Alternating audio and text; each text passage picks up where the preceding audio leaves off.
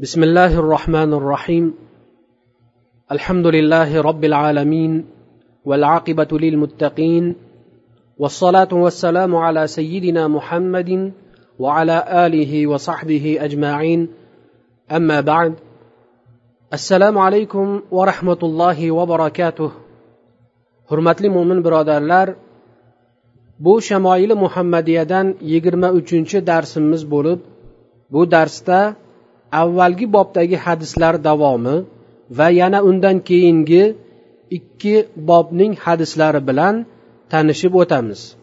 قال حدثنا أحمد بن منيع قال حدثنا إسماعيل بن إبراهيم عن أيوب النافع عن ابن عمر رضي الله عنهما قال صليت مع رسول الله صلى الله عليه وسلم ركعتين قبل الظهر وركعتين بعدها وركعتين بعد المغرب في بيته وركعتين بعد العشاء في بيته bu hadis abdulloh ibn umar roziyallohu anhudan rivoyat qilinadi aytadilarki men payg'ambar sollallohu alayhi vasallam bilan birga peshindan avval ya'ni peshin namozining farzidan avval ikki rakat peshindan keyin esa ikki rakat namoz o'qidim Shomdan keyin ham xuftandan keyin ham uylarida ikki rakaatdan namoz o'qidim. Mulla ali qoriy bu hadisning izohida shunday marhamat qiladilar. Bu hadis sunnat namozlarni masjidda va uyda ham o'qish durustligiga dalil bo'ladi. Boshqa sahih hadislarda sunnatlarni uyda o'qish masjidda o'qishdan afzalligini bayon etilgan. قال حدثنا أحمد بن منيع قال حدثنا إسماعيل بن إبراهيم قال حدثنا أيوب عن نافع عن ابن عمر رضي الله عنهما قال قال ابن عمر حدثتني حفصة أن رسول الله صلى الله عليه وسلم كان يصلي ركعتين حين يطلع الفجر وينادي المنادي. قال أيوب وأراه قال خفيفتين. Bu hadis ibn umar roziyallohu anhudan rivoyat qilinadi. Aytadilarki menga hafsa rasululloh sollallohu alayhi vasallam tong otib muazzin azon aytgandan keyin ikki rakat namoz o'qirdilar dedi. Roviylardan ayub ismli kishi aytadilarki nazarimda yengil ikki rakat degan edilar. Ya'ni bu namozning sifati nihoyatda yengil bo'lgan edi. Bu namozdan maqsad bomdod namozining ikki rakat sunnatidir. قال حدثنا قتيبة بن سعيد قال حدثنا مروان بن معاوية الفزاري عن جعفر بن البرقان عن ميمون بن مهران عن ابن عمر رضي الله عنهما قال حفظت من رسول الله صلى الله عليه وسلم ثمان ركعات ركعتين قبل الظهر وركعتين بعدها وركعتين بعد المغرب وركعتين بعد العشاء قال ابن عمر وحدثتني حفصة بركعتي الغداة ولم أكن أراهما من النبي صلى الله عليه وسلم bu hadis ham abdulloh ibn umar roziyallohu anhudan rivoyat qilinadi aytadilarki rasululloh sollallohu alayhi vasallamdan sakkiz rakat namozni o'rganib oldim peshindan avval ya'ni peshin namozining farzidan avval ikki rakat peshindan keyin ya'ni peshin namozining farzidan keyin ikki rakat shomdan keyin ikki rakat iftar namozidan keyin ikki rakat. Ibn umar aytadilarki hafsa menga aytishlaricha bomdoddan avval ham rasululloh sollallohu alayhi vasallam ikki rakat namoz o'qir ekanlar men uni o'qiganliklarini ko'rmagan ekanman.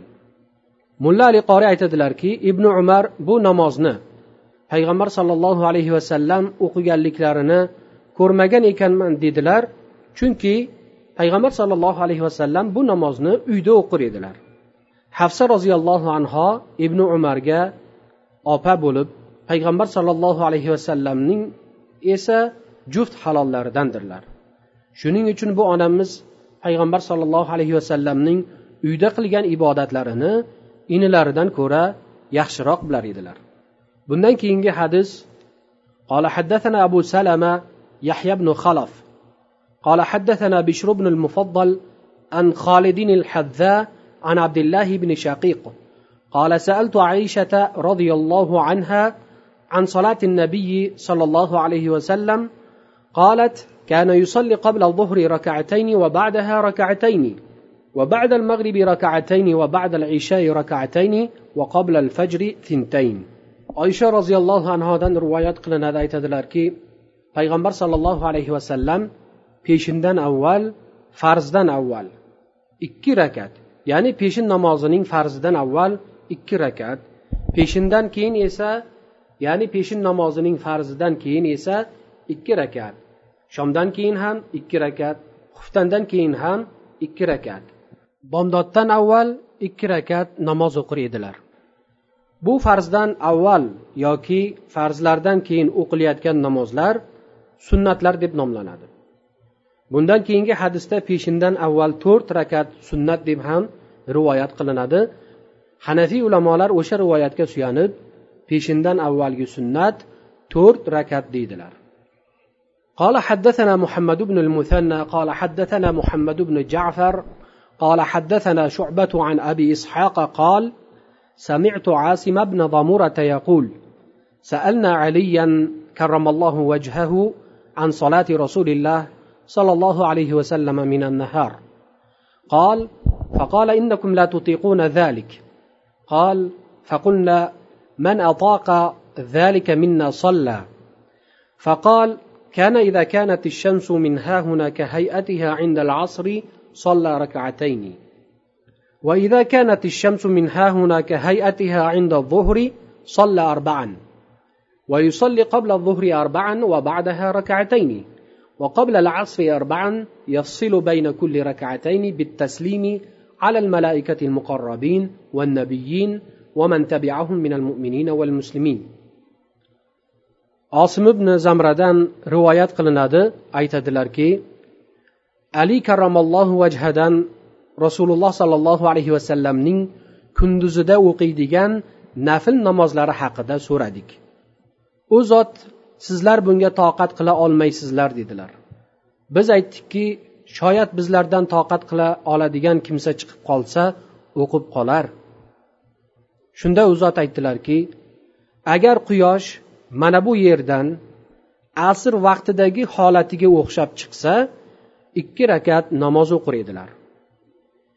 Agar quyosh ana bu yerdan peshin holatidagidek bo'lib chiqsa to'rt rakat o'qir edilar. Peshindan avval ya'ni peshin namozining farzidan avval esa to'rt rakat peshin farzidan keyin esa ikki rakat namoz o'qir edilar.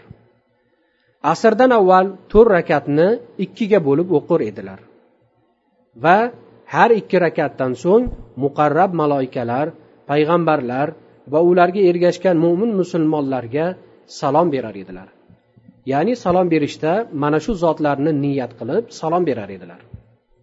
Mulla ali qori aytadilarki ali roziyallohu anhudan payg'ambar sollallohu alayhi vasallamning namozlarini so'ragan odamlar u zotning ibodatlarini bilib olishnigina ko'zda tutmaganlar.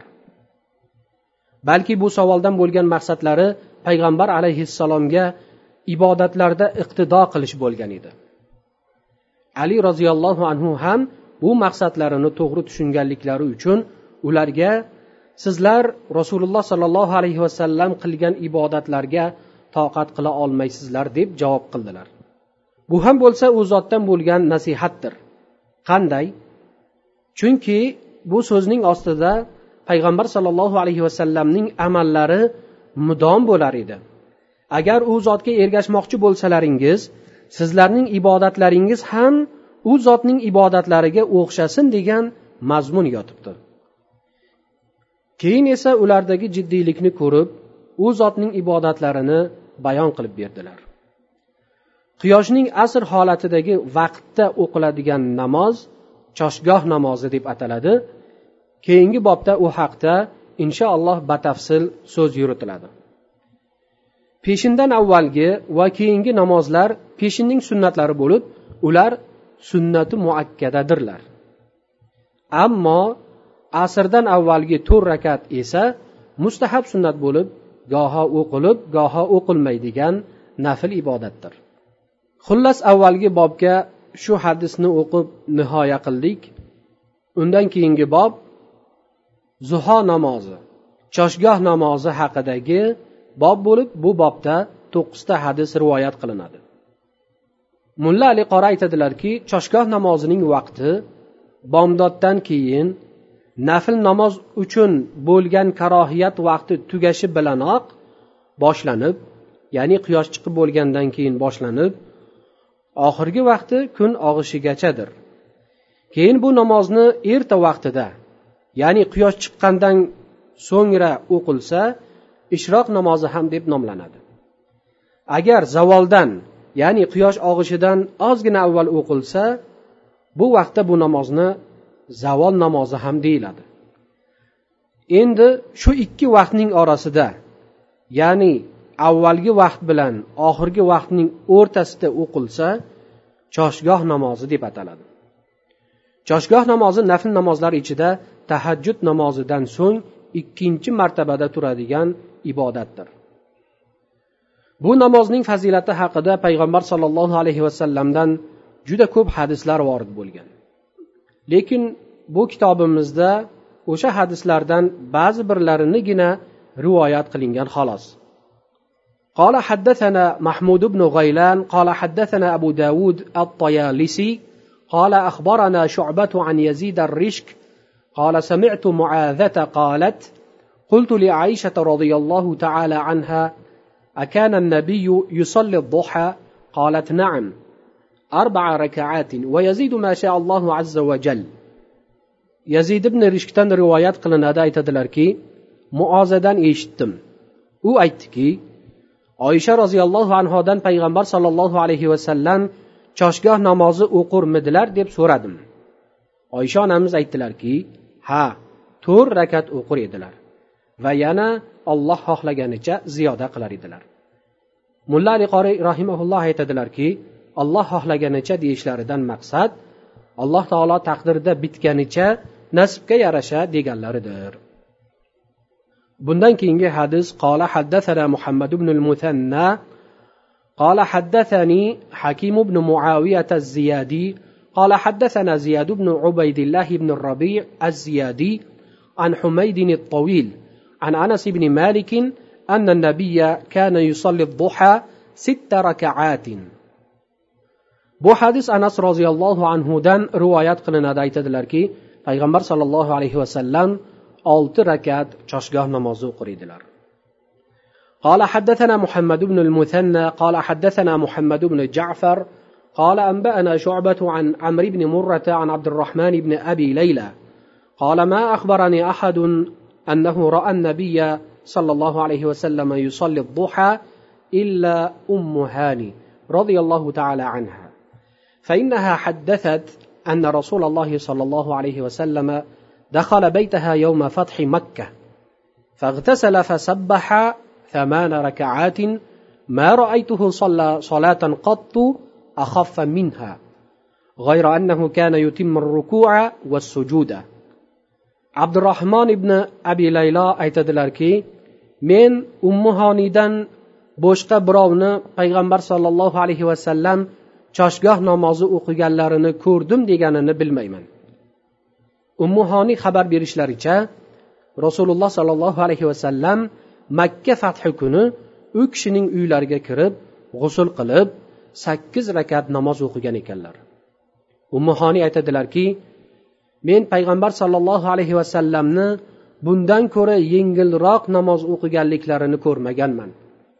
Lekin ruku va sajdalarni komil ravishda ado etar edilar قال حدثنا ابن ابي عمر قال حدثنا وكيع قال حدثنا كهمس بن الحسن عن عبد الله بن شقيق قال قلت لعائشه رضي الله تعالى عنها اكان النبي يصلي الضحى قالت لا الا ان يجيء من مغيبه abdulloh ibn shaqiqdan rivoyat qilinadi aytadilarki oyisha roziyallohu anhoga payg'ambar sollallohu alayhi vasallam choshgoh namozini o'qirmidilar dedim.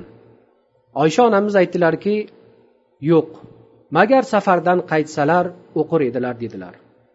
Mulla ali qori aytadilarki oysha onamizning payg'ambar sollallohu alayhi vasallam bu namozni o'qimasdilar deyishlari ya'ni payg'ambar sollallohu alayhi vasallam agar uyda bo'lsalar ya'ni safarda bo'lmagan chog'larida u namozni masjidda o'qimas edilar balki uyda o'qir edilar.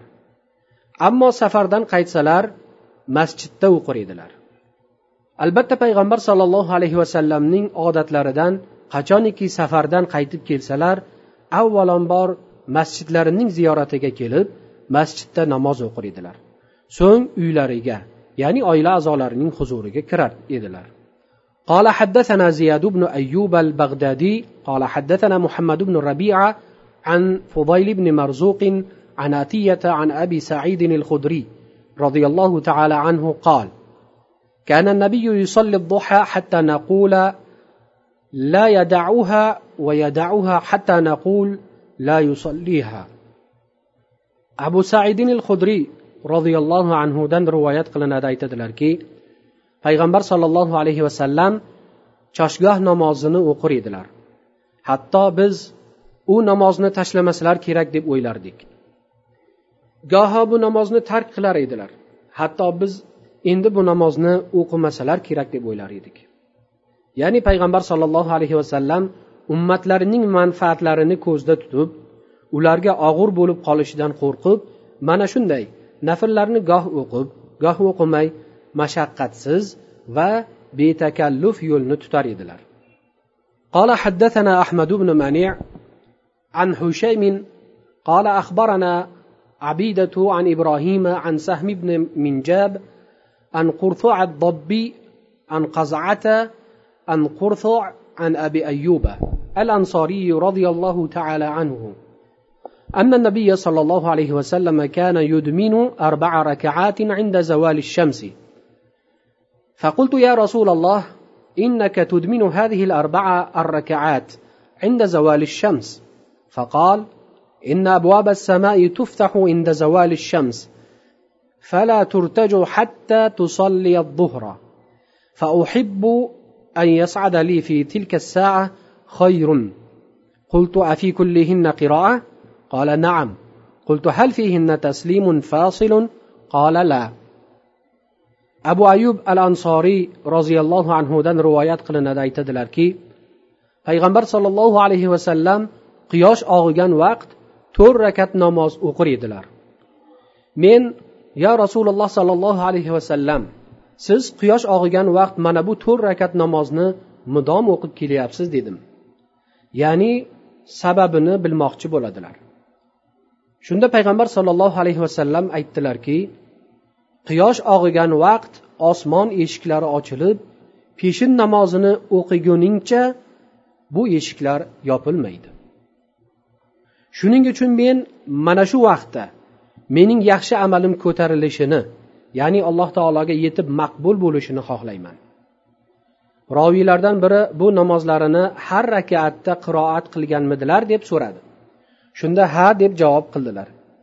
keyin har ikki rakatda salom berganmidilar degan edi bu zot yo'q dedilar ulamolar aytishlaricha bu namoz peshin namozining to'rt rakat sunnatidir قال حدثنا أحمد بن منيع قال حدثنا أبو معاوية قال حدثنا عبيدة أو عبيدة عن إبراهيم عن سهم بن منجاب عن قزعة عن قرثع عن أبي أيوب الأنصاري رضي الله عنه عن النبي صلى الله عليه وسلم نحوه abu ayub al ansoriydan yana boshqa roviylar shu hadisni rivoyat qilgan ekanlar undan keyingi hadis قال حدثنا محمد بن المثنى قال أخبرنا أبو داود قال حدثنا محمد بن مسلم ابن أبي الوضاح عن عبد الكريم الجزري عن مجاهد عن عبد الله بن السائب أن رسول الله صلى الله عليه وسلم كان يصلي أربعا بعد أن تزول الشمس قبل الظهر وقال إنها ساعة تفتح فيها أبواب السماء فأحب أن يصعد لي فيها عمل صالح عبد الله بن صائب roziyallohu anhudan rivoyat qilinishicha u zot aytadilarki rasululloh sollallohu alayhi vasallam quyosh og'igandan keyin ya'ni peshin namozining farzidan avval to'rt rakat namoz o'qir edilar va aytardilarki bu vaqtda osmon eshiklari ochiladi men shu vaqtda solih amallarim qabul bo'lishini xohlayman musulmon kishi vaqtiga g'ayur bo'lib fursatni qo'ldan boy bermay mana shunday ibodatlar qabul bo'ladigan vaqtlarni doimo g'animat bilishi kerak قال حدثنا أبو سلمة يحيى بن خلف قال حدثنا عمر بن علي المقدمي عن مسأر بن كدام عن أبي إسحاق عن عاصم بن ضمرة عن علي أنه كان يصلي قبل الظهر أربعا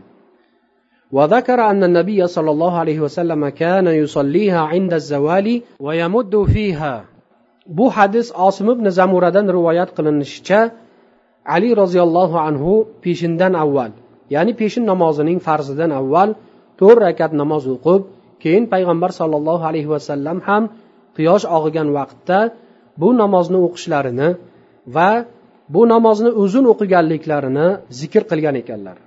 Mulla ali qori aytadilarki bu oxirgi hadislarga bir qaraganda bobga taalluqli yeri ko'rinmaydi. Lekin ozgina tafakkur qilsak bu hadislardan choshgoh namozining vaqti zavolgacha ekanligiga ishora borligini bilib olamiz. Vallohu alam. Babu solatu tatavvui fil bayt uyda nafl namozlar o'qish haqidagi bob. Bu bobdagi birinchi hadis قال حدثنا عباس الأنبري قال حدثنا عبد الرحمن بن مهدي عن معاوية بن صالح عن العلاء بن الحارث عن حرام بن معاوية عن عمه عبد الله بن سعد قال سألت رسول الله صلى الله عليه وسلم عن الصلاة في بيتي والصلاة في المسجد. قال قد ترى ما أقرب بيتي من المسجد. فلأن أصلي في بيتي أحب إلي من أن أصلي في المسجد إلا أن تكون صلاة مكتوبة bu hadis abdulloh ibn saaddan rivoyat qilinadi aytadilarki rasululloh sollallohu alayhi vasallamdan uyimda o'qiydigan nafl namoz va masjidda o'qiydigan nafl namozlar haqida so'radim ya'ni qaysi biri afzal deb so'radim u zot aytdilarki sen meni uyimni masjidga qanchalik yaqinligini ko'rib turibsan. Shunday bo'lsa ham men farz namozdan boshqa nafllarni masjidda o'qiganimdan ko'ra uyda o'qiganim menga yaxshiroq deb bilaman. Mulla ali qori aytadilarki albatta nafl namozlar uyda o'qilishi masjidda o'qilishidan ko'ra afzaldir. Chunki kishining uyda o'qigan namozi masjidda o'qigan namozidan afzal ekanligini magar farz namozi unday emasligini bayon etuvchi sahih hadislar payg'ambar sollallohu alayhi vasallamdan rivoyat qilingan. Va yana ba'zi rivoyatlarda payg'ambar sollallohu alayhi vasallamdan uylaringizni qabriston qilib qo'ymanglar degan nahiylar ham vorid bo'lgan. Ya'ni namoz o'qimaydigan uylar bamisoli qabriston kabi bo'lib qoladi. U uydagilar ham go'yo o'likdirlar. Ammo farz namozlar masjidda o'qilishi lozim. Alloh taolo barchalarimizni o'qigan va eshitgan hadislarga amal qiladigan. Payg'ambar sollallohu alayhi vasallamning sunnatlariga ergashib u zotning ibodatlaridan o'ziga andoza olib alloh taologa mudom toatu ibodatlar bilan vaqtlarini o'tkazadiganlardan qilsin. Omin va sallallohu vasallama ala nabiyina muhammad va ala alihi va sahbihi ajmain. Assalomu alaykum va rahmatullohi va barakatuh.